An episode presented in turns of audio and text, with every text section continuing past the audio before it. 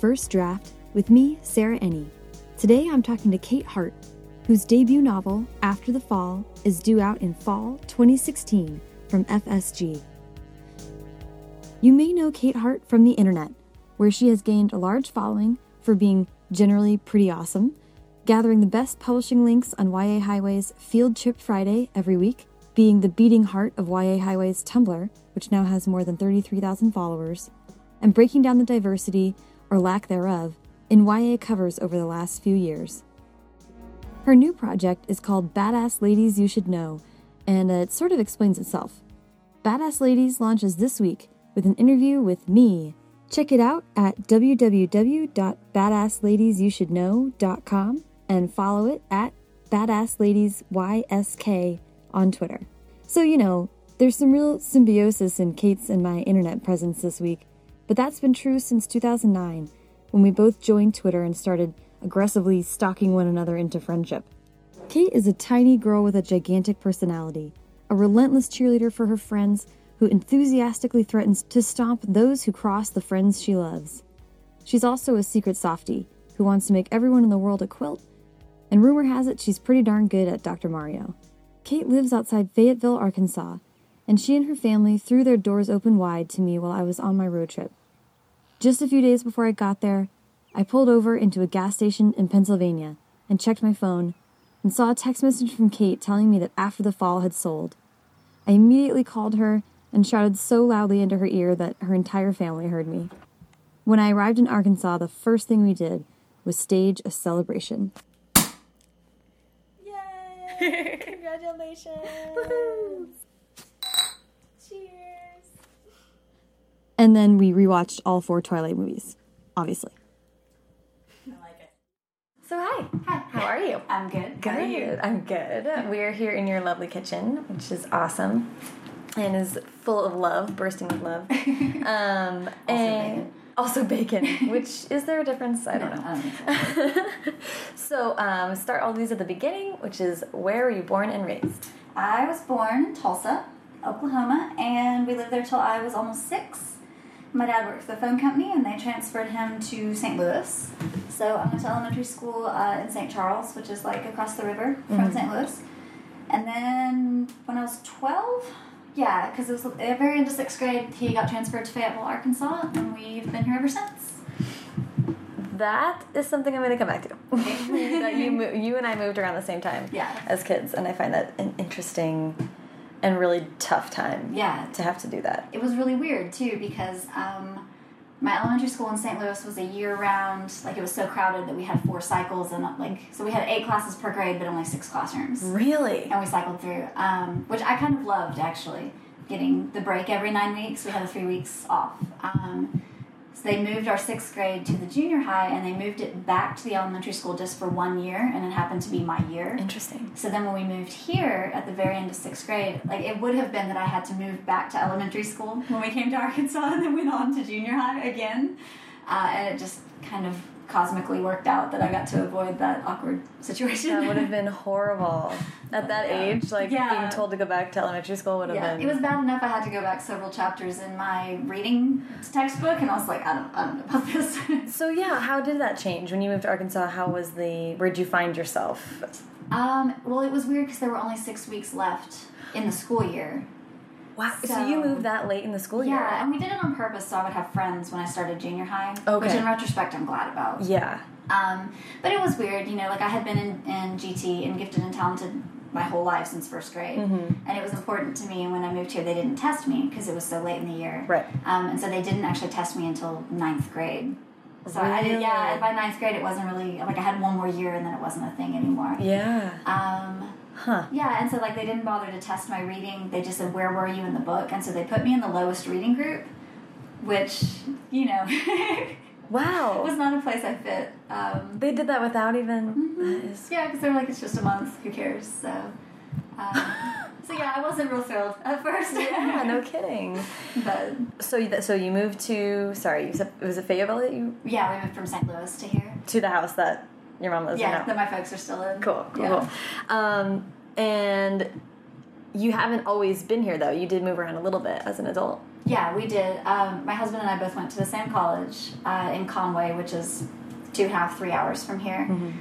Really small liberal arts school, smaller than my high school, actually. Really? Um, yeah, we were on the same scholarship, and Mm. you know, my folks were like, "We can take out loans, or you can go for free, and we'll let you keep your high school car." I was like, "Sold." um, so yeah, and then after school, we uh, when we graduated, I went to Vanderbilt for a short, very short period of time, um, and got you know the worst depression of my life. Dropped out of graduate school, but we stayed in Nashville for the year and lived out our lease. Um, So you did a full year there. I didn't realize that was a full year. yeah. Wow. yeah, because my husband had a good job Right. he enjoyed. Um, but yeah, we wanted to come home, and but then we had also we had traveled all over Europe, and we had go, you know lived in Oxford for a little while, and went to Mm-hmm. Costa Rica, so and driven all over the country. So we didn't feel like we had you know rushed back home to mommy and daddy. You Right. know, we felt like we, we had a pretty good idea. And with um, Walmart and Tyson and JB Hunt are all here, Mm-hmm. the even when the recession hit, there were still jobs here. Right. And so that was all kind of happening at the same time, and it made sense financially to be here where Mm-hmm. it's cheap and there were jobs. So Yeah. Well, I was gonna say that's so that's one part of it. I mean, what what all went into your decision to go? Because you, that's a kind of pivotal juncture. You can really move wherever you want, right, but where do you want to sort of set up roots and right. I you know I'm not sure. You know, we had all of our logical reasons, Mm-hmm. um, but I think there was also just we've always just loved Fayetteville. yeah. You know, even growing up, and we both had that chip on our shoulder about you know you don't know Arkansas, you don't know my life.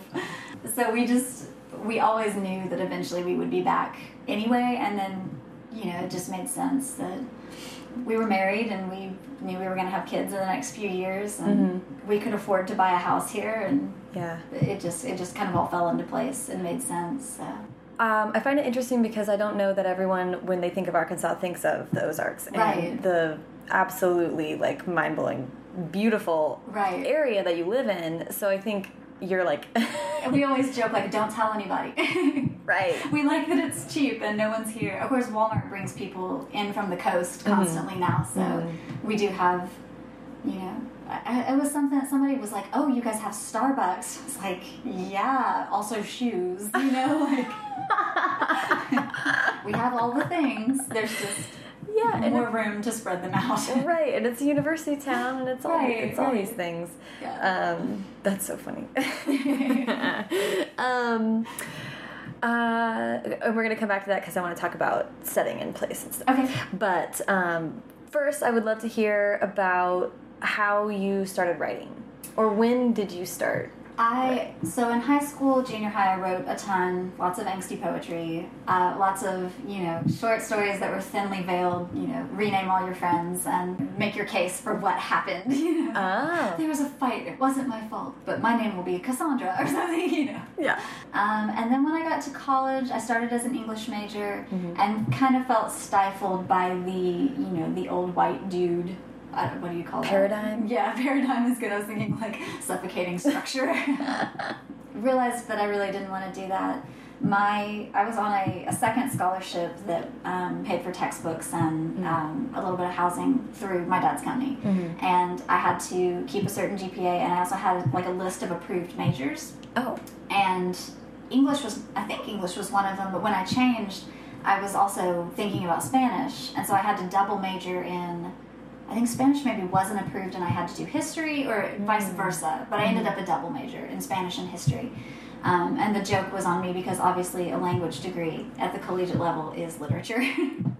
And that's what you're gonna do is it was still just the old white dudes of Spain instead of England at least they're different. At least they're different, and I did get to do some Latin American lit later in the in the career when we got another professor. That's But, um, funny. I didn't no, think I about loved that. my professor. I shouldn't trash talk him. He was fantastic. Um, he had this big handlebar mustache that he like twirled as he talked, and Ah, he was amazing. Actually, that's Um, brilliant.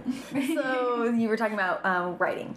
Yes, so I got to college um, and got into history, and um, I think just kind of internalized that like I was young and white and female and had nothing important to say, you know. And I don't think that was my professors at all. I don't think it was my my fellow students. You know, it was it was an extremely liberal and for that time and that place and diverse campus. Um, yeah, just really stopped believing I had anything interesting to say and got you know into academia and and was good at academia. Mm-hmm. That's you know, and I like getting grades and I like getting A's Yeah. and immediate feedback.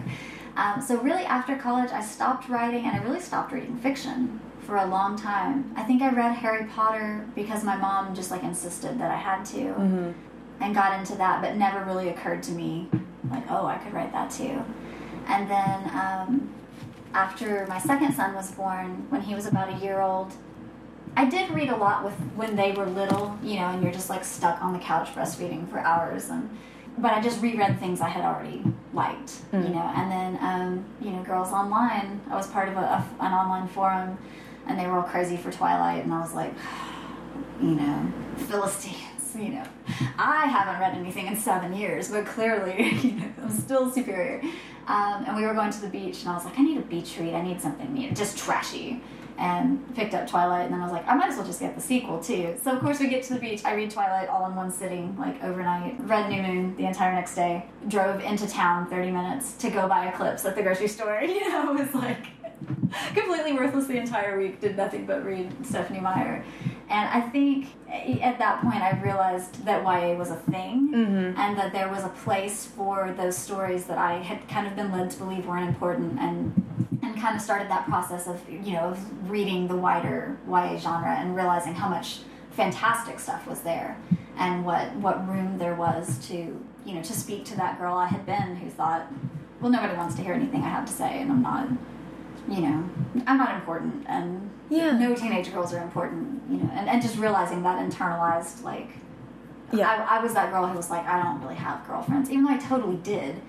I had great girlfriends. One is still my best friend. Several of them are still very good friends, but, but you know, I was always that. I'd just rather hang out with the boys, and so I think that was all kind of coalescing. At the same time, I was dealing with the idea of being a mom and Mhm. the expectations of being a mom, and how I didn't really want to be that mom. so it, it was kind of a perfect storm. Yeah, well, I think I'm interested in this the um because I feel like that's that's such a pull. You and I are similar. We're we're white, very white girls. Um, and I did fill that poll too to be like, well, I'm one of the guys. Like I'm not one of those girls. But I think it's interesting that you're talking about when you went to college, expanding your worldview is what makes then you realize your particular experience is so privileged that Right. you it's it's all it's like you want to erase yourself just because you understand you can't add anything new yours has been the mm-hmm. dominant narrative throughout whatever modern history or whatever Right. and that in a way there's a positive to that in understanding where your story stands in the right. in the context world of doesn't actually revolve around me. Yes, and that's a huge. I mean, that's a good shift. Right. But then taking it too far and mm-hmm. erasing yourself and your story, Right. and internalizing all these negative. And I feel like, especially in academia, where it's like, what are you going to write on yet another Shakespeare paper? What can there possibly be to say? You know, it was, it definitely, th that is part of it too. Mm-hmm. So uh, yeah, understanding your privilege mixed with understanding that we also do have stories that fiercely need to be told. And Right. There are people that And, need you to hear those stories. I think also because I don't want to overstate like how important I thought I was going to be, or that I had like this you know narrative that I needed to set forth. I think also what Twilight made me realize was that it was okay to write for fun. It was okay to write a story that you know it didn't have some profound significance. Mm-hmm. It wasn't you know uh, you didn't need to add to the canon like yeah. you know, it was completely legit if you wanted to just write for fun. Yeah. I could do that. And so that was, you know, my, my original goal was like, I just want to see if I can finish a book. Mm-hmm. You know, and that was, I'm not, I don't even care if I get published, which we all knew was complete bullshit, but, you know, oh, I'm just going to write for fun. You know, my best friend was like, uh huh, I bet. Yeah. Because she was always a writer too. That was what we bonded over to begin with. And she's Yeah. a much better writer than I am, actually. So it's it's been weird. She's in academia and she's finishing her, her dissertation and doing all that. And I have pursued fiction and I never would have guessed that was how it would have gone. I thought it was. I thought she would do academia and fiction, and I would like kind of struggle along behind, like Right. you know, I have this history degree. Wait for me. so, That's so interesting. Okay, Yeah. um, I, I want to go back a little bit though. The fact that you not only were you learning that people could write for fun, but they could read for fun. right. I mean, it sounds like it's it's funny to me that you had this sort of drought and then a burst of intake Yeah. and output. So what is what was what do you think it was that made you not only think, oh my gosh, I can read for fun again, like let loose in that way, but also mm-hmm. like I want to actually do this. I don't. I don't know.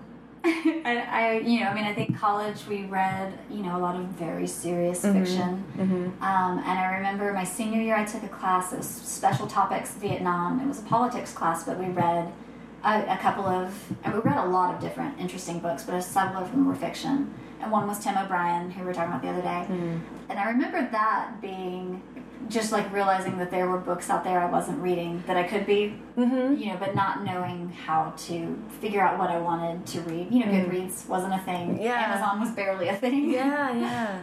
Yeah, I don't know. And I, you know, when I think back on like what I read as a kid, I I always think that I skipped straight from Babysitter's Club to Stephen King. Mm-hmm. And then the other day on a, some online discussion, people were you know saying all their favorite titles, and I realized, oh, actually, I really did love Zilpha Keatley Snyder, and I really loved A Wrinkle in Time, and there were a lot of those books that I read for fun. It's, well, it's tough. It's something. It's something I try to think about.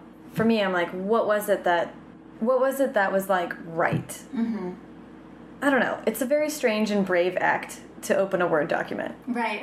and to really do it. Mm-hmm. Um, and what makes someone do that?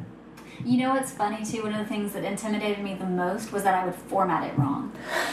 And this still bothers me about picture books because I actually, before I read Twilight and was like, oh, you know, before I had my kids, I was teaching preschool. Mm-hmm. And there's so much cool stuff going on in picture books. Mm-hmm. And I, I still kind of want to write a picture book, but that was the first thing I researched. And that was kind of how I learned about agents and. Um, you know, found I guess it was Mary Kole's blog and Janet Reid's blog and Oh, you know, a couple of different um, of those like industry standards. Mm-hmm. Um, yeah, so when then I wanted to write YA, it was like, okay, well, I kind of know where to start with that. But yeah, terrified that I would format the manuscript manuscript wrong and everyone would laugh at me or something. I don't That's know. so funny. Oh my gosh, I love that. You're like, oh, I need to go online to look up formatting. yeah, I, I have to know what font because Ah. my career could be over before it begins. Well, depending on the font, it really you gotta be Comic Sans, you deserve it. It, you know. yeah, exactly. It could be disaster. Um, okay, so that leads me to my next question, which is, you know, you have this sort of momentum to start Mm-hmm. writing, and how do you get involved in uh, writing community or reaching out and discovering other writers? Right. So I had been working from home with you know my kids, um, and I'm trying to think. My oldest was going to preschool a couple days a week. I still had William at home with me. You know, just my natural impulse had been get online for for several years by then. Um, started googling and found Absolute Write. You know, just like so many other people. Mm-hmm. I yeah, so I got on Absolute Write, got braver, posted I think a snippet, and Katie Alender Mm. who was already her book had sold and not come out yet i don't think but she offered feedback and it was like oh a published author spoke to me. It was a big thing. Um, and then corey jackson had posted that she needed a beta reader um, because she was getting rejections for being too similar to twilight and she couldn't see it. And i was like well i just read the series twice so you could hit me up. So we kind of struck up a friendship that way. And and that was very cool. It was the first time i had read someone else's unpublished manuscript and realized like there's so much good stuff out there and these these people on this board are the real thing they're very talented you know Mm-hmm. mm corey's very talented yeah so that kind of kind of started to snowball and then you know i actually had a blog already but it wasn't writing focused at all it was all I, you know, because I'm crafty, Mm-hmm. so it was mostly like, here's this thing I made, here's this wonky quilt that I put together. I was still learning, Yeah. and so it kind of transitioned over to to writing. And I like, oh. I actually posted one day like, this is my confessional post that I've gone back to writing, and you know, like the three people who read my blog were like very supportive. Yeah, well, that is a weird thing to say. yeah, And a challenging thing. I mean, there's a lot of posts about that. About Right. when do you call yourself a writer? When do you call yourself an author? When you, when do we cross these strange boundaries in our own heads? right. And and how do we address it to people? And it's not mm-hmm. something you. It's not something that is easy to bring up, also because it comes along with a lot of questions Right. from people that are unfun. so that's really a, that's a big deal. You're on Absolute Write, and you're starting to interact with people, and then you feel like mm-hmm. you're brave enough to say, I'm carving out a space for myself right as a writer. and brave enough to then link my blog to my profile on Absolute Write. Like that was a big thing for me. Like I'm gonna do it. I can do it. You know. yeah. Um, but you know, and then from there started kind of making the, the blogosphere rounds and Mm-hmm. meeting people, and, and then Twitter came up. Um, I think I had been kind of blogging for about a year Mm-hmm. before Twitter really hit, and then you and I met, and then we met on Twitter. and that's how I met Myra too. I was actually I think I stalked her blog, Oh yeah. and then when Twitter came on, I was like, oh, now I can like stalk her a little less creepily. Right. This is Excellent. Yeah, exactly. That's what that's what Twitter is. Um, what was the idea that got you writing? What was the story that got it started? I started working on Refuge, which was paranormal, um, and I had it set. So you know, my family's all from Oklahoma. You know, every single bit. And my dad grew up in Southwest Oklahoma, uh, in a town Duncan, which is close to Lawton, where there's an army base. And outside Lawton, there is a wildlife refuge. And I had kind of vague memories of going there as a kid. And I knew that it was, you know, just a, this weird place where you're driving across, you know, the just flat ass part of Oklahoma, and then boom, there's these mountains out of nowhere. They're so weird. Um, and there's buffalo there, and there's a prairie dog town where you can, you're not supposed to feed the prairie dogs, but we always did back in the day. So anyway, I don't know. I just decided that would be a neat place. I, I had some personal connections to uh, actual, not Wiccans, but people who actually consider themselves witches in Oklahoma. Um, and so I started to think, you know, what if? What if there really were modern day witches out in the middle of nowhere, Oklahoma, and just started kind of putting that together. Um, so the first draft was very, you know, you know, she had these powers that basically were like superpowers. She could do anything she wanted, and everyone around her had these powers, and you know, Oh yeah. it, it, was one of those. Oh, yeah, very first much one of those. Um, and I, you know, beta readers were very kind and, and had suggestions. And I think what kept me going was I, no one was really in love with the story. You Mm-hmm. know, my, my best friend and my husband were very supportive and very into it. Mm-hmm. You know, um, but beta readers were very um, encouraging just about like the quality of the writing itself. Mm-hmm. Plotting is my downfall. I, I always say I can put two sentences together. It's just making them actually say something that's the problem. Mm. I can make them pretty. I just can't make them sensical. so, and that's actually one of the best manuscript rejections I ever got from an editor. She was like, "Kate Hart has some of the best writing I've ever seen on the sentence level." Like oh oh no. thank you. I think. Yeah. Um, so yeah, I mean, it just started as this paranormal Yeah. sort of romance, but it kept kind of veering away from romance because I couldn't do it right. Mm-hmm. And Yeah. what what was it? How did that kind of lead to? I'm I'm curious what, to lead up to the agenting and to. So I did query refuge, Mm-hmm. um, and it was a weird experience because my blog by then, I mean, it's never been like big, Mm. but um, you know, I had friends who were agented, and so their agents had read my blog, and so I actually had two agents reach out to me just based on my blog and Mm-hmm. be like, "Oh, you have to send it to me when you get done." So of course, then I sent it, and they were like, "Okay, no, you're not quite there yet." you know, kind, very kind, of course Yeah. so yeah, I got you know enough rejections on Refuge that were like, you can write fine, but the story isn't there. And I think somewhere in that process, I just sat down with a notebook and I had read about a writing exercise where you just start with like, I want to write about, and then you just go and you free write. And so I started. I want to write about a girl who lives in a place like Fayetteville who. Um, her friends hike all the time. They're outdoorsy. That's what pulls them together because that's you know that's how my high school friends were. I just started going and going and going, and I wrote um, that first the first scene of After the Fall, and it's still the first scene of After the Fall. You know, I just hand wrote it, and I, I just it was like one of those frenzy things, you know, where I, I hand a lot of it, and within six weeks I had a whole draft. Wow. So then SCBWI was coming up, and I had never traveled on my own before. I had, you know, because we had flown to Europe and Costa. Rica had been all over, but I'd never done it by myself. Mm-hmm. Um, so that was really nerve wracking. I had a full of refuge out with one agent who I knew by that point was a little sketchy, Mm. but I wasn't entirely sure. And so, and she had said something about, oh, I'm going to contact you soon, and I had a feeling she was going to offer. Mm. Refuge. Yes, and I wanted. This sounds so shitty, but I wanted to have After the Fall out there so that she wasn't my only option. Mm. Because I guess it hadn't occurred to me that I could just say no. You know, like probably that would have been the more professional thing to do. Um, but so I just kind of rushed through beta readers and got After the Fall out there as fast as I could. Mm-hmm. Um, and so I sent it out the week before SCBWI, and I had like seven or eight full requests when I left. And then um, I didn't have an iPhone. iPhones had, you know, they weren't that that uh, they were pretty new at that point. I couldn't really text on my phone. I sure couldn't get email on my phone. And so I was in California relying on Kirsten's phone, checking my email to see if I had any full requests or offers That's every awesome. single day. um, and so I actually talked to one agent at SCBWI who had my full, but she wasn't done. Mm. And so it was a weird conversation, you know, where she was like, "It's really good," you know. I just I got to finish it, and it was like, okay, Go do that right now. Right. So she offered. She called while I was on the plane on the way home, and so we landed in Dallas at my my layover, and I was checking my phone, and there was some girl I don't even know next to me, and I started freaking out. She was like, "Wait, what's going on?" So she like did a little dance with me in the seat. That's awesome. I think she was on her way to like a Mary Kay convention in Seattle or something. Yes.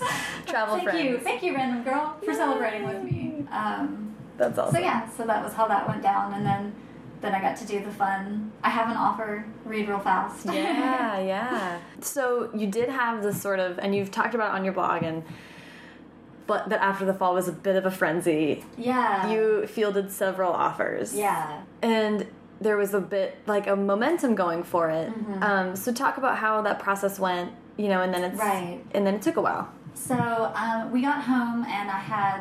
I ended up with seven offers, Mm-hmm. um, and I, my husband was leaving like almost immediately for a trip, and I had both the little boys who were like three and 5 at that Mhm. point, um, and I couldn't really do phone calls, and so I was kind of freaking out. And my best friend came down from Indiana.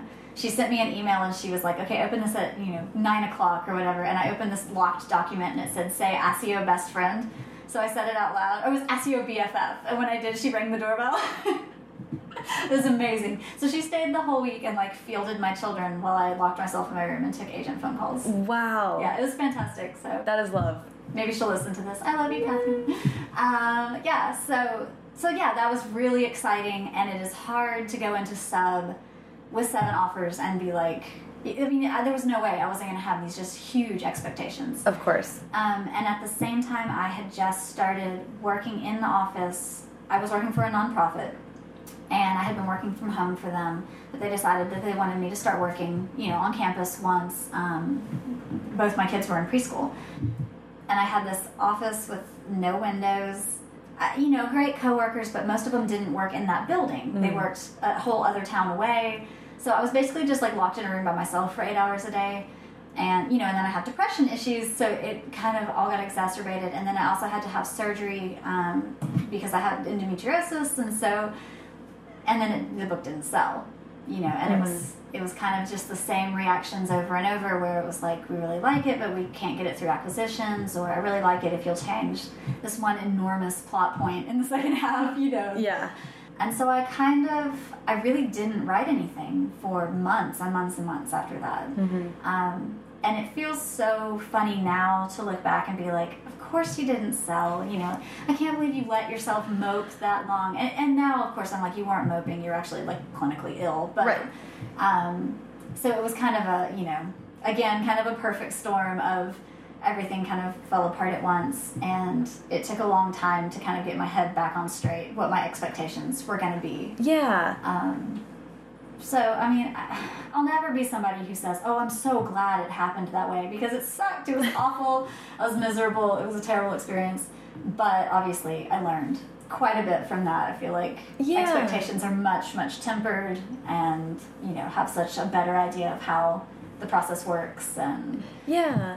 I believe it was Meagan Spooner who had some really great things to say about like great humbling moments Mhm. in publishing career or writer careers. Right. Um, and as a writer, you you hit these moments where you realize this pipe dream publishing fantasy is not going to be you. right, Even if you are someone that has a perfect story, it doesn't end up being perfect. Mm-hmm. There's so many things that that we don't see that we imagine J.K. Rowling doesn't deal with, and she right. does.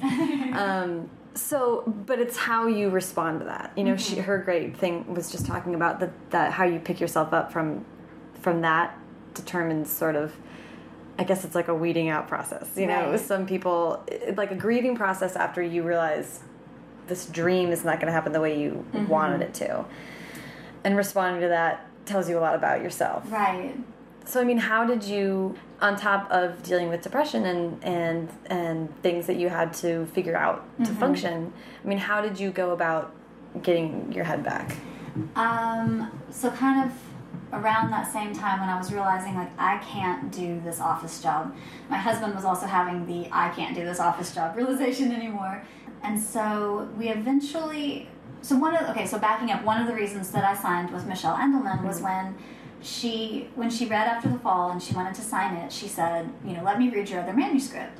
And I was like, oh, you know, you don't want to read this horrible paranormal. But she read it and she was like, okay, you know, I can see where the, the issues are. Um, but she had great suggestions for where she thought I was trying to take it.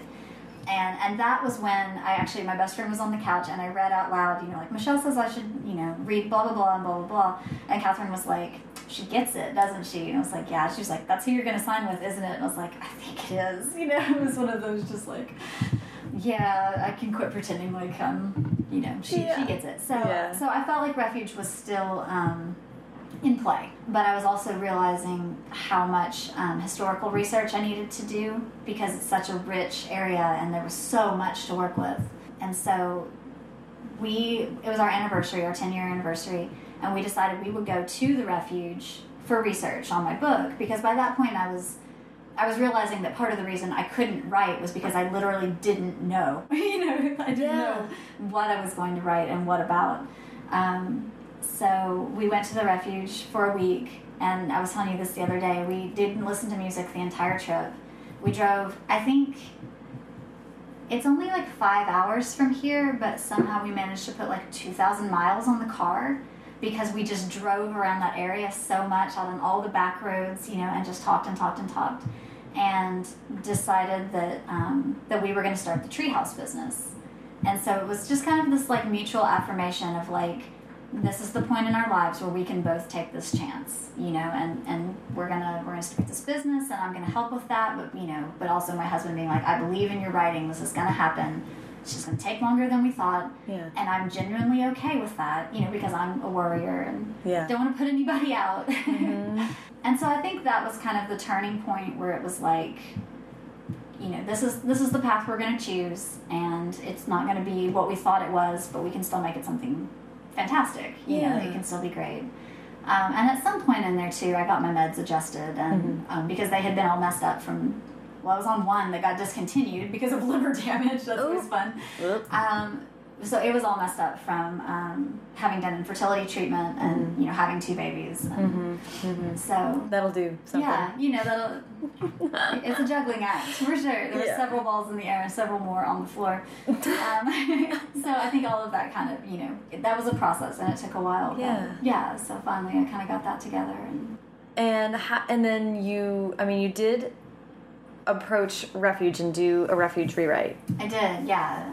I did a big rewrite of Refuge. Um, went on sub with it. I did not fantastic, but I did have two really good R and R's. Mhm. And looking back, I, I did them together. I tried to combine the notes. And looking back, I think I feel like I didn't do justice to one of the R and R's. And it's an editor I really love. You know. Yeah. Um, so hopefully at some point I can go back and she wanted me to take more of a magical realism approach because I never quite I kept trying to pull the paranormal out but not quite never quite made it um, and so I've actually started a new draft where I've you know changed all the names and all the the only thing that's the same is the history that's immutable and doesn't change um, Yeah. but you know, just just giving myself permission to just write it as batshit crazy as I want, and so I'm kind of I'm in the love stage with it right now, but but it'll be a while, Yeah. because it's it's not contemporary, and it's Right. I assume I'm gonna be writing contemporary for a little while now. So Because Yay! let's talk about it. So when you rewrote Refuge and you and you're going on sub, and of course that is a hellish,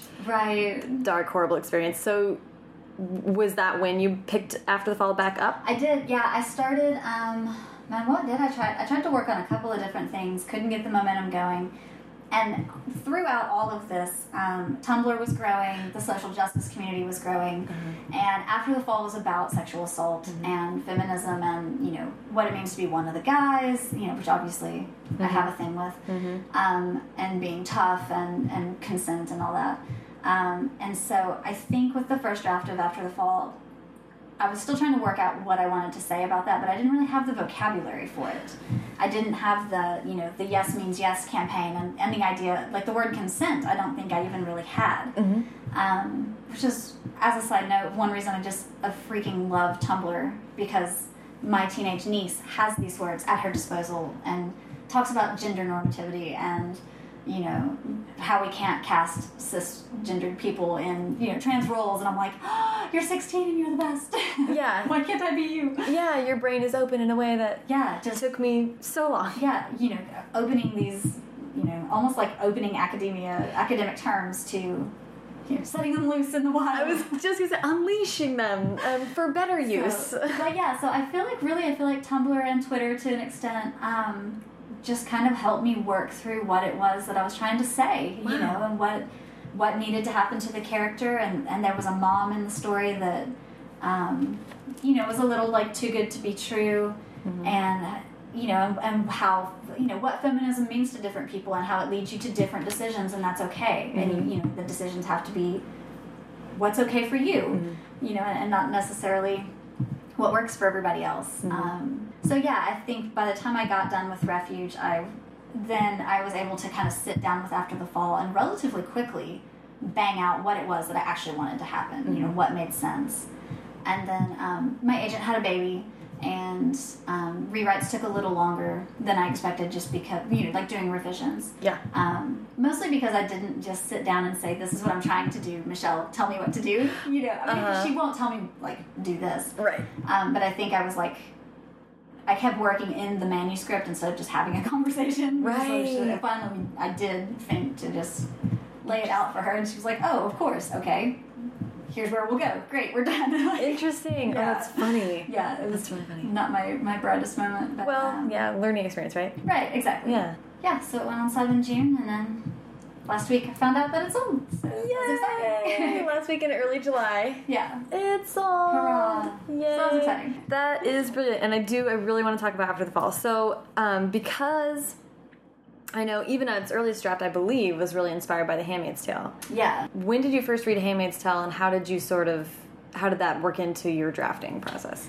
I took an AP literature class senior year, fantastic class. Um, the teacher was actually uh, my friend's dad, who had been there forever and just you know just this like sage, wise. You know, he's uh, Buddhist. Like, you know, how, what do you think about that? He okay. So when we had an assignment, we didn't get pop quizzes. Mr. Burt gave you the eye test, and he would get on his rolly chair and he would go to each person and he would look you in the eye and he would say, "Did you do the reading?"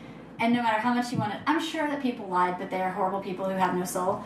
Yeah, you you just be like, no. I'm so sorry, Milton. I didn't do the reading. Don't hate me. Don't hate me.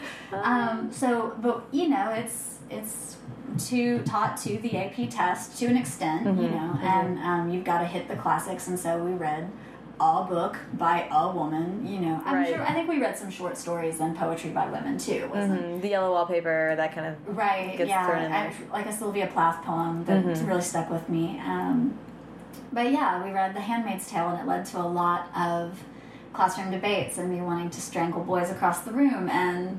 Um, you know, fighting with my friends, and even Josh was my boyfriend at the time, and my husband now. Just being like, you don't get it. You do not know what it's like to be a girl. Um, and also having dealt with a lot of slut shaming and and again things I didn't have words for at that point. Um, you know, it just really hit me hard at 17. Um, and so when I started writing after the fall, I think it just kind of slipped itself in. Mm-hmm. You know, at first it was like, oh, of course they're reading it in class, and then mm-hmm. you know, just kind of expanded from there. Yeah. what what themes can I pull out of this and kind of mirror or Right. invert And or whatever? Mm-hmm. I think it's easier to talk about really complicated things with long narratives. Right, You can say The Handmaid's Tale, and everyone knows what you're trying to get at, Right. which is a bundle of different feelings and realities and challenges rolled into one. So, I mean, um, when you went back to rewrite it and you had sort of a lot more, like you're saying, words. Mm-hmm. Um, I the idea that all, other people were also struggling with this, Right. like on that level, and interested in engaging with it. How did The Handmaid's Tale continue to to work itself in? I mean, I actually didn't make an effort to like make it any more or less part of the book. Mm-hmm. Um, I think that those parts were pretty well entrenched already, and Mm-hmm. so I think the only thing that really changed was um, just the role that childbearing plays in the book. And I realized that I had kind of gone about that ass backwards in the first draft, um, you know, and so rearranged the narrative so that that made sense. mm-hmm. Yeah, and it's funny because I'm talking about having the words, but I don't actually use the words in the book. Right. You know, there's I don't think I use like slut shaming or you know, like I think she reads a, a flyer at one point that says consent, but Mm-hmm. um, I think I just needed it clear in my head Mm-hmm. before I could put it into more of you know a teenage perspective because I don't think that's I don't know. I don't want to say it's not realistic to put that into a teenager's mouth because clearly it is, Mhm. You know, judging by my niece and and Tumblr. Um, but it, I don't think it was. I don't think it would fit for this character. right. Um, Well, and and it's the kind of thing that it's for teens that don't have the Right. language. right. and um, it's not necessarily you know your book won't necessarily be written by 18 year olds that are about to go to school Right. it could be someone that's a, a few years younger and is still Mm-hmm. really just beginning to understand Right.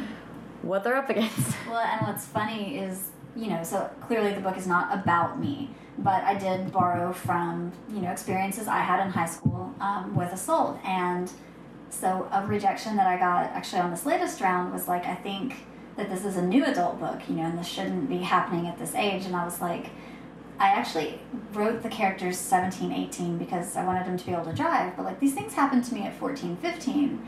And so that was actually really upsetting, you know, to just be like, I, that anyone would be like, oh no, you know, assault doesn't happen until until you're ready and you know the right age. It's like, no, that is not the case. Um, so yeah, I kind of went off on a tangent there. Mm-hmm. no no no that's but that's uh, that's the heart of the book Right. The I do want to just ask whether you know tum you I think talked about how Tumblr and Twitter and and bringing these academic um, terms to feminism and female issues. Were you also? I mean, did it show you and make you feel better that there was like an audience of people who might be more interested in After the Fall and what you have to say? Yeah.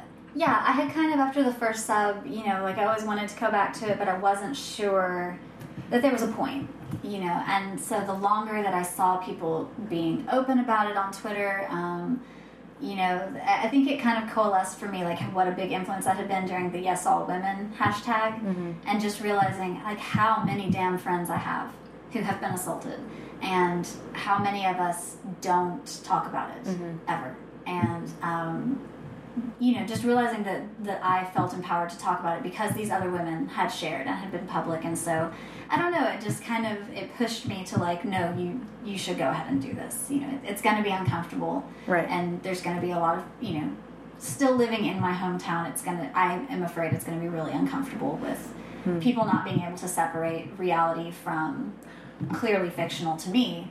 Yep. You know, I, I'm afraid that my friends are all going to think that they're the characters, and I'm like, no, just because they went to where we hiked doesn't mean they're you. That Um, is, yeah. you know, so I, I'm I'm nervous about that, but Yeah. um, but I think overall, like it, it felt like an important thing to do, yeah. But it did make rejections, especially the first round. I wasn't prepared for if if you give a character an experience you had and have them make some of the decisions that you made after the fact, and then people that you respect come back and say, no one acts like that. No one would be that stupid, you know. And it's you know, I'm 34 years old. Like I shouldn't still be a you know hanging on to stuff that happened when I was 15, but it's still you know, writing the book kind of helped me forgive that girl that I was. And so then when people come back and I'm like, oh my God, what an idiot. And you're like, ah. Yeah. And, you know, everybody says like you can't take rejections personally, but it was very hard to not take those personally. And so this round it was a lot easier, you know, to, to separate myself and, and, you know, to have approached the book as, you know, separating that narrative distance and do you think what do you think what what helped was was it growing thicker skin or was it approaching the book in a more surgical I think the making latter. the book more The latter, because I think my skin doesn't like it'll thicken sometimes, but it doesn't stay that way. You know, it just depends on the day. Calluses go away. right, exactly. And I don't care to keep the friction there to build them permanently. Mm-hmm. Um, so yeah, I think it was just my mindset going into it and knowing what I was in for, and also having had two or three more years of watching friends get reviews just in general. You know, which I mean, I don't want to pretend that I'm totally prepared for that and it's going to be great, but the whole the book is not you and the reviews aren't for you, blah blah blah blah blah. Like, Yeah, yeah, yeah. just seeing that, I think I was able to approach it more as a professional instead of the like, you know, pouring my heart out, my soul, like that writer Mm-hmm. trope. Right. So- Which is so easy to Right. to do and be. And I feel like you have to do to an extent, or else the book has no heart and no soul. So where's the balance? No one knows. No, freaking nobody knows. That's Right. for sure. Um, I've heard from several people so far that they're talking about writing the book that no one else could write. Feeling like that's what what you did. Do you um, do you think After the Fall is a book that feels that way to you? I don't want to say no one else could write it because you know, I mean, I feel like it's. I don't feel like it's that singular, and but I think there's aspects of it that aren't terribly common. You know, growing up in a in a university town, and what that means for making your college decision, and mm-hmm. you know where you go to parties, and mm-hmm. you know, I, mean, like one thing I did very prominently borrow from real life was the the fact that the fraternities and the sororities are recruiting by the time you're in tenth grade. You know, so I knew that I had been blackballed by the time I was 15. You know, it was just, it was just a fact of life. And that was my best friend and I, that was our joke, was like, we should totally rush and just see how long it takes for them to cut us. Like, Wow. yeah, just see like how obnoxious we could be. Um, and I know too that, I mean, I don't want to act like the Greek scene is horrible everywhere, um, but it does like kind of have a reputation for being particularly harsh in Yeah. Fayetteville for some reason. Oh, really? I don't, I don't know why. I'm curious about how you you talked a little bit about it, so we don't have to go into it too much more. But um, writing with depression has been something a lot of people have talked about, Right. and it's something that you've also been open about. How do you find the balance between being a really open, creative person and then making sure you're taking care of yourself? How do you kind of track that? Um, you know, I feel like it changes every day. I really don't know, to be perfectly honest. You know, I mean, I think I think in some ways it's different for me because it's chemical. You know, and when you have situational depression, it's much harder. I think. I don't know. It's almost like I I just accept it. You know, it's just like having a bad stomach. Um, you know, so I do. I take my meds and I do what I'm supposed to do, except that I don't go to bed on time. um, whatever. Um, but yeah, I mean, I just kind of approach it as a chronic illness, and you you know you recognize the days that writing is not going to help, or it's going to make it worse, or um, and I try to avoid. I don't try to make myself write every day. I don't try to force myself onto a schedule. I don't. I try really hard not to make myself feel guilty because that's a major thing for me. Is everything is always my fault. Yeah. Here, you know. Yeah. Um, so yeah, just trying to manage those unconscious things that you do. I realized the other day that whenever I screw something up, I my inner monologue literally says, "Oh my God, you're the worst." And I'm like, okay, A, brain, you are not a Tumblr post.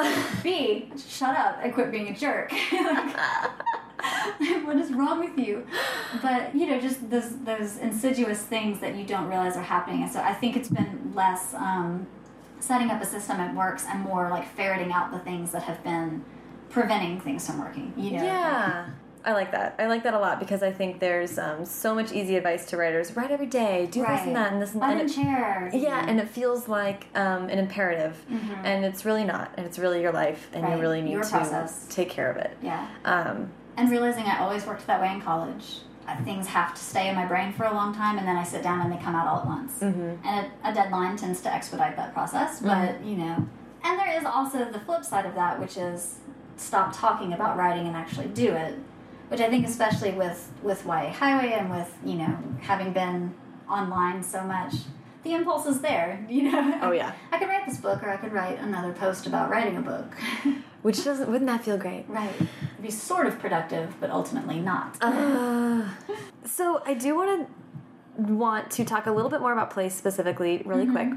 What were the challenges about thinking about setting a book where you live now? Right.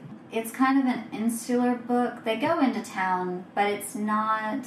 You know, they're not at the university. I mean, they, you know, they're on unnamed frat houses or unnamed keg parties, mm. or it, it wasn't that hard, I guess, to take places that I know and make a fictional version of them. You know, because they are also places that exist in every town. Right. You know, everybody's got that. You know that party spot, or the um, you know a place that you go to, like the Overlook or whatever. Right. You know, everyone has those. Um, so And you're also writing about your town when you were 17, right, which doesn't exist anymore. exactly, and it's very different now. So Um, I think that's a fun thing, and Natalie Standiford had um, a lot of interesting things to say about that because she is sort of autobiographical in setting, and that necessarily comes with time. right, And um, I find that really kind of nice. It's like a re I, I would um, I'm projecting onto you that it would be a relief to think about writing at that place then, right. and that almost already feels fictional. Would you say that's? Sort of, yeah. It was kind of a challenge because you know, like in the first draft, they had cell phones, but they didn't text. Ah, You know, because funny. we kind of had cell phones. I mean, I had a cell phone in high school, but just because my dad worked for the phone company, you know. um, you know, and as I was writing it, like I still had a phone that didn't text. So there you go. you know, and so there's things like that that I um, I realize I'm being you know an old. yeah. Um, but I did make an effort to not make it specifically Fayetteville. You know, I, I tried to borrow things that felt not important, but like visceral to me as a teenager from home, mm-hmm. but not try to reproduce it. You know what I mean? Mm, yeah, yeah, Like yeah. try to pull the essence of it, but not. I didn't want to try to reproduce Fayetteville. right. You know. Well, spending all of your time describing what a place looked like is mm-hmm. different than trying to make people feel like you felt in that place. And that's what I run into with Refuge is that it's so set in place that I and it's not a place that I'm I'm only kind of from. Mm-hmm. You know, I never actually lived there and so I, I do I get caught up in that like it has to be perfect and it has to be just right and and that's been part of the process with that book is like let it be a fictional version of this place. Right. You are inventing a town, it's okay to right. Because you have so much history Right. in that that it's hard to say. Some parts of this are immutable and, and unchangeable, Right. and I and you also have birds that can talk, so I think that you're okay in like inventing a, a property line. Like, you're all right. if they want to call you on it, let them. Oh, That's so true. Yeah. Um, the okay, we already did talk about it, but I want to give us both the opportunity to talk some love about Twilight Right. because we were just talking yesterday about how um, not just you and I, but so many people that we know found Twilight when they needed it. Mm-hmm. Found that Twilight opened a door for them. And by the way, we're all here in this industry. Thanks, Stephenie Meyer. Thank you, Stephenie Yes. Meyer. You created YA as we know it. Yes, I would kiss you on the face. if I Honestly. No, I wouldn't. That'd be weird. Maybe a European face. Yes. Um, uh, I was talking to another writer about how sometimes you can dive into something with people and you know your people are not your people. Right. And I think Twilight is a big red line Right. for my people are not my people. But it's a difficult thing to talk about still, Mm-hmm. Yeah. which is odd. But you and I sort of bonded over that. right. Um, what do you think it is about that series that brought so many people in and brought so many people to writing? I know what brought me in was the fact that I did fall in love with my husband in high school. And so, and I was, but even before that, I was that girl who like fell in love with someone and was just like, you know, borderline, like friends want to stage an intervention, you know. Yeah. Um, and you know, and that has its obviously its bad sides. Um, Right. You know, it can be dangerous, but there's also you know, it is exciting and it is kind of a, a nostalgia for that feeling. Yeah. Um, and I still get like verklempt when I feel when I think about like Josh asking me to homecoming. You know, it's like, oh, that's so you know. Yeah. So yeah, I think that Twilight it just captured that lightning in a bottle. That I don't want to defend the love story because obviously there's all these problems with it. But I also don't. I think that people assume it's supposed to be an exemplary love story, Right. which I think is unfair and a mistake. That's, mm-hmm. I don't want to get into like how author then has like interacted with the book and that kind of thing, but I did not approach it obviously as exemplary. I read about lots of things that aren't a how-to manual. That's the whole point. Right. right. It's just one love story, and Right. because it was placed above and atop all other love stories mm-hmm. for a time. Right. Does it it also, mean- I the setting really, I just loved the setting. But does, how does setting work in your fiction? Is that one of the things that comes to you first, or is that one of the things that pulls you into writing? That's actually a major problem I'm having with a work in progress right now. Is I have the setting, like the I mean it's just crystal clear in my head and I'm like what happens here who are these people what are they nobody they live at the lake there's a lake I keep you know pushing different people in and making them kiss and nothing is happening. But the lake. But the setting is there. And I think that almost all my books it starts with a setting you know with after the fall it was the the hiking. Mm -hmm. you know they were out at this one trail that that we love. Yeah. Um you know and with refuge it was the the mountains and, mm -hmm. and the place that you love. Yeah is that the kind of thing because i find that setting is sometimes uh, a lot of times you mm -hmm. get mm-hmm. fed up with what you're writing mm -hmm. and you have to find a way to work yourself back into it right and for me the setting gets me like revved back up yeah to be like no i just want to live i want to jump back into there right and not necessarily a character's head or a situation. Right. Yeah, I don't usually miss characters. It's just like I want to go back and live in a place. And when I think about books that I love too, I feel like that's kind of mm like I was thinking about Daughter of Smoke and Bone. Mm. You know, mm. God, Laini Taylor just so disgustingly talented, yeah, amazing. But yeah, you know, like the characters are great, but I don't like.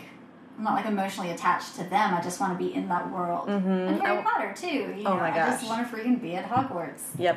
I want to talk a little to you about rewriting a little bit. Okay. Because you have done it, so and, much. and it is it is something that not everyone does, mm -hmm. and that can be really um, like emotionally fraught. Right. You're sort of setting yourself up to fail twice. Right. and doubly. Right. It's like an exponential heart rending mm -hmm. thing. So how did you approach it, and what were the challenges in it? With this one, well, after the fall, or well, or just in general. I think in general, but if you want to use a specific, go for it. Well, I, because I think they were really different. Mm -hmm. With after the fall, I I was okay with changing it. Like I wasn't married to that part of the plot that they wanted me to change. Mm -hmm. um, and it was a pretty resounding like this plot point has to go from everyone. Really. Um, except my agent who got it, you know, and understood what I was trying to do. So you know that was tough. And it was just a matter of figuring out what else could happen. Mm -hmm. You know, the, the, whole second act. Like something had to happen. What was it going to be? Right. Um, you know, because I had R and R's on after the fall originally, but I just couldn't do them.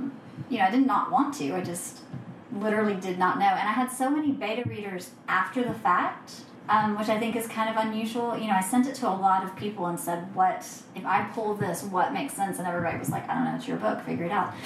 Um, so I think I did it kind of unsuccessfully with Refuge because I wasn't willing to let go of enough and I, yeah, I think with After the Fall, like it didn't have to be a complete rewrite, mm -hmm. so mm-hmm. it was okay. You know, so much of it needed to stay. Mm -hmm. And with Refuge, it was like I should have just stripped out all the characters. You know, I should have realized that all the pieces were movable. Yeah, and I didn't mark enough of them as expendable as I should have. Mm -hmm. You know, which is very hard. Yeah, especially when your other project is has worked this way and has and it was successful this way. Right than to I mean every book and because it gets so close you know and you're like if, if it was that close maybe it's just one thing I can tweak but I think you know with that particular project it really you know it needs to be clay that is just squashed back down and reworked yes. after the fall it was like I think it just needs like a new leg but I am also kind of struggling with that because technically I've only written two books and mm -hmm. I've mm-hmm. just written them over and over mm -hmm. and so you get to that point where you're like I have to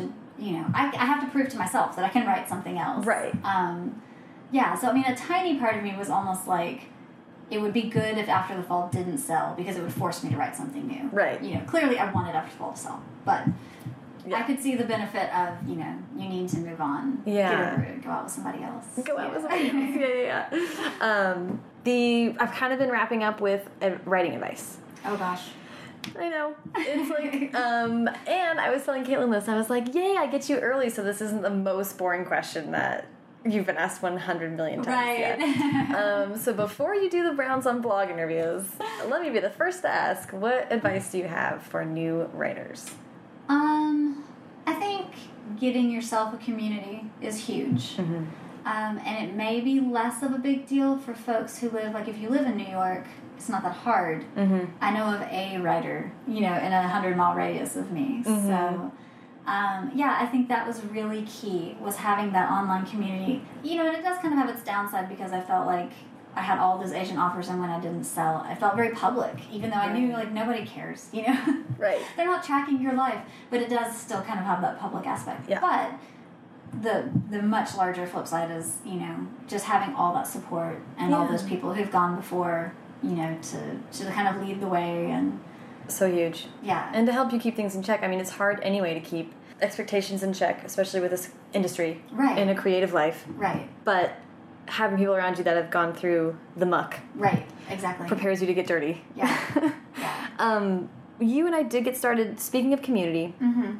you and I did get started at a time when I think there many people were more amenable to meeting new people Yeah. and hearing new voices and reading new blogs and things like that. So I'm curious about what you think about people who are starting out now. I think a lot of people stress out about it, which is why I want Mm-hmm. to address it. Um, how do I get noticed? How do I get people to pay attention to me? How do I? I'm a, one voice shouting into a void, and I don't know how you feel about it, but I would say one thing is just continue to be nice. Yeah, I think that's what bothers me is people are like, how do I make connections? And I'm like, you don't, you make friends.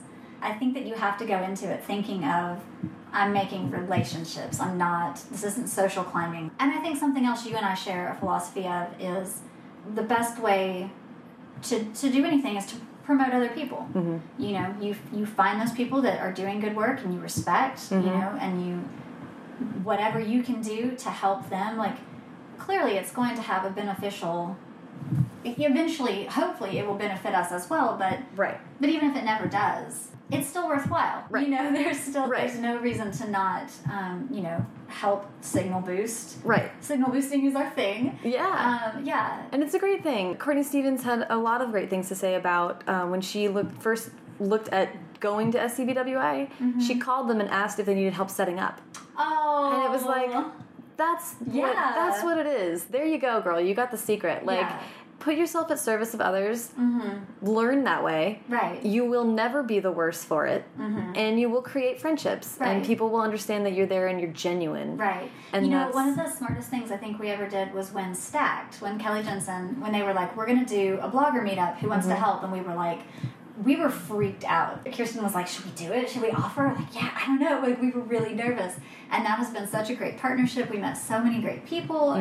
And yeah, you know, just learning about the librarian side of it all Oh of a my sudden. gosh, you know, yeah. You just don't, you don't know what you don't know unless you put yourself in a position to find out. Yeah. Awesome. Well, that okay. uh, From all of that hodgepodge, was there anything else you wanted to go back to? I don't know. I'm trying to think. Um, I don't know. You think we're good? Yeah. All right. Thanks, Kate. Thank you.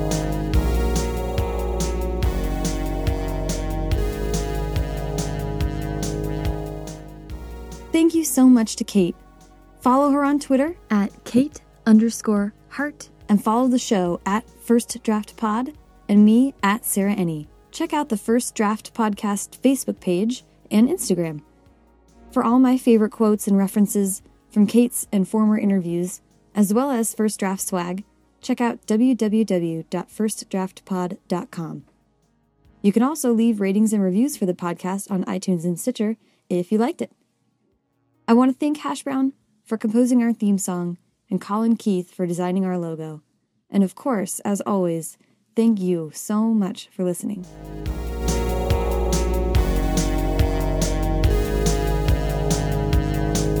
Going to coffee shops or No, I do not like to work in coffee shops at all. Interesting. I don't like people, so I don't like to be around them. let's get the Sumaya quote in there. exactly. Shout out to my girl Samara, the ultimate misanthrope. I aspire to be as cranky as you